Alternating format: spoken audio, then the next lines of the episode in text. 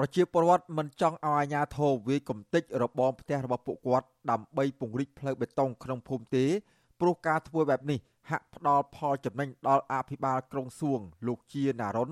តែខាតប្រយោជន៍ប្រជាពលរដ្ឋធ្ងន់ធ្ងរខណៈផ្លូវនេះមានទំហំទទឹង9ម៉ែត្រស្រាប់ទៅហើយ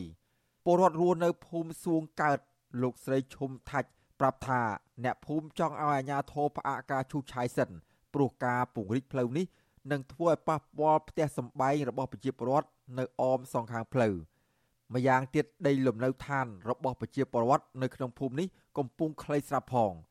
អ្នកភូមិសួងកើតរូបនេះនឹងមិនព្រមរុះរើរបងចេញដោយខ្លួនឯងទេ ហើយក៏មិនហ៊ានធ្វើសកម្មភាពតវ៉ាដែរព្រោះបារម្ភពីការចោទប្រកាន់ផ្សេងផ្សេងៗ ផ្លូវហ្នឹងអត់មានសេដ្ឋកិច្ចអីទេអត់មានសេដ្ឋកិច្ចទេគេបរិយដើម្បីប្រព័ន្ធភាពហ្នឹងចេះផ្ទះចវាយក្រុងវានៅចំមកចុងផ្លូវហ្នឹងចវាយក្រុងហ្នឹងហើយគេធ្វើបុកចំផ្ទះចវាយក្រុងហ្នឹងបើសិនជាគេຕົកចំណៃផ្លូវតែ1ម៉ែត្រ1ម៉ែត្រគឺអត់ប៉ះទេអត់មានប៉ះប្រជាជនទេអភិបាលក្រុងសួងលោកជាដារុនបានជូនដំណឹងកាលពីថ្ងៃទី9សីហា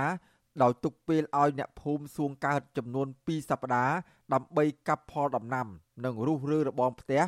ឬសំណង់នានាថយពីខ្សែអផ្លូវឲ្យបាន5ម៉ែត្រក្នុងករណីហួសថ្ងៃអសានវិទ្យគឺនៅថ្ងៃទី23សីហាអាជ្ញាធរនឹងចុះទៅរុះរើដោយចាប់បង្ខំ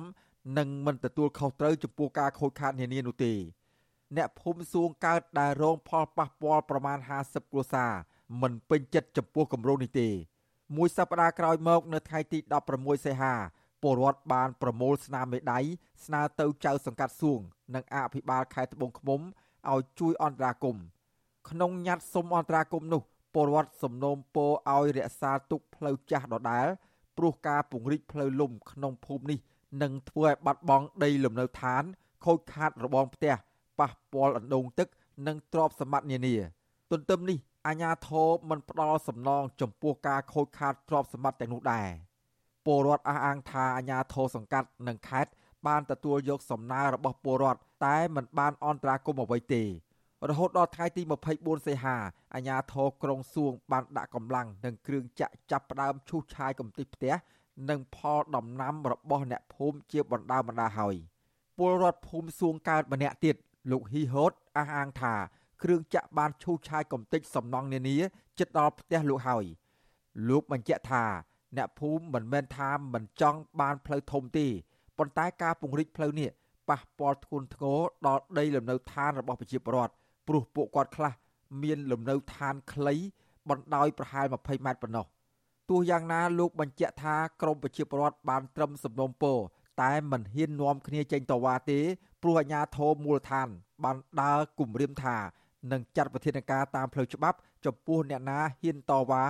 ឬផ្តិតមេដៃប្តឹងទៅអាជ្ញាធរខេត្ត ច្រើនគ្រួសារដែរកាលដែលផ្តិតមេដៃយកទៅដាក់ខេត្តហ្នឹងប្រហែលជា50 60គ្រួសារដែរគេថាមើលទៅមិនឈ្នះគេទេព្រោះមេភូមិគម្រាមថាអ្នកណាដែលផ្តិតមេដៃពីយ៉ាងទៅដល់នេះគេហៅឡើងតឡាការម្នាក់ម្ដងម្នាក់ម្ដងដល់ដល់ចឹងទៅអ្នកខ្លះហ្នឹងក៏ខ្លាចហ្នឹងសុំដកមេដៃវិញដកមេដៃមានដៃទៅនោះហើយទៅសុំដកឈ្មោះអត្តទេមកអត្តទេហ្នឹងតែមេដៃហ្នឹងធ្វើទៅតែធ្វើហ្នឹងយកឡើងទៅខេត្តហើយពាក់ព័ន្ធនឹងបញ្ហានេះមេភូមិសួងកើត លោកស្រីទេពសប្រាប់បទសុអសីស្រីថា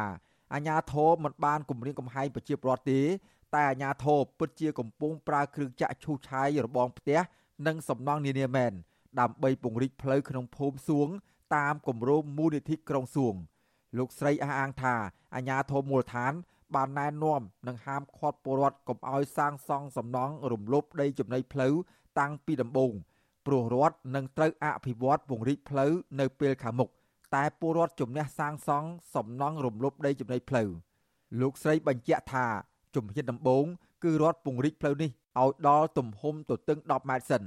ប៉ុន្តែនៅពេលខាងមុខទៀតតាមប្លង់មេគម្រោងផ្លូវក្នុងភូមិសួងកើតនឹងត្រូវពង្រីកទទឹងដល់15ម៉ែត្រ ចង់ជំរាបថាតំបន់ក្រុងគឺជាតំបន់មួយដែលអភិវឌ្ឍឲ្យមានផ្លូវបេតុងនិងផ្លូវកពូគ្រប់កន្លែងមិនថាផ្លូវលំមិនថាផ្លូវតូចមិនថាផ្លូវកពូមិនថាផ្លូវបេតុងតែពួកគាត់ធ្វើលបងចេញចូលចេញចូលពេលដែលអាជ្ញាធរទៅប្រាប់គាត់មិនធ្វើចំណែកចៅសង្កាត់សួងលោកកៅឆេនប្រាប់បទសុអាស៊ីសេរីដែរថា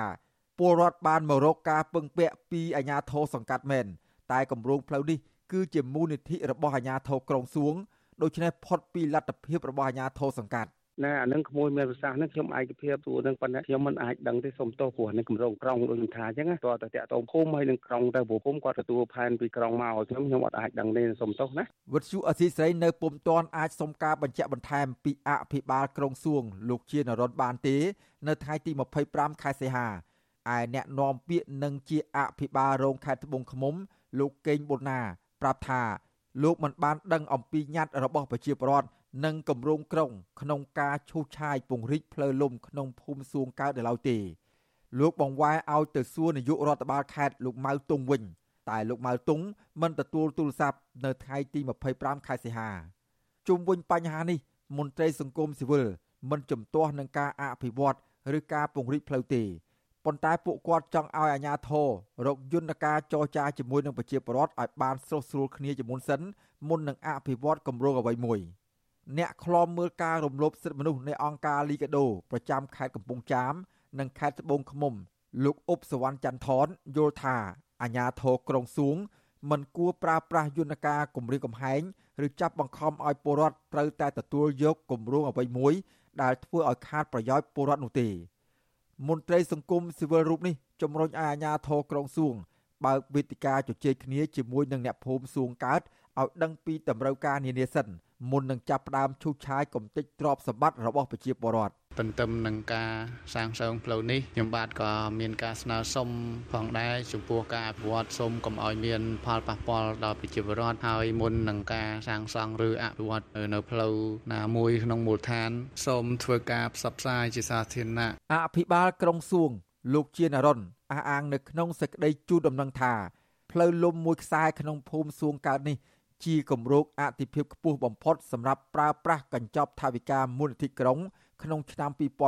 2021ក្រោយការវាយកំទេចរបងផ្ទះរបស់ប្រជាពលរដ្ឋរួចផ្លូវនេះនឹងត្រូវឈូសឆាយពង្រីកហើយចាក់បេតុងទទឹងទំហំ10ម៉ែត្រនិងបណ្ដោយប្រវែងជាង400ម៉ែត្រ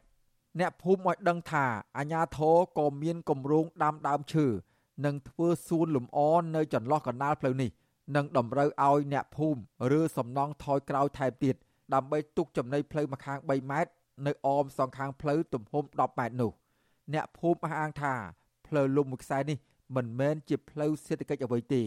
ពួកគាត់សង្ស័យអភិបាលក្រុងសួងឆ្លៀតឱកាសប្រើប្រាស់កញ្ចប់លុយរដ្ឋនិងអំណាចមកពង្រីកផ្លូវក្នុងភូមិដើម្បីសោភ័ណភាពផ្លូវចូលទៅផ្ទះវិឡារបស់លោកច្រើនជាង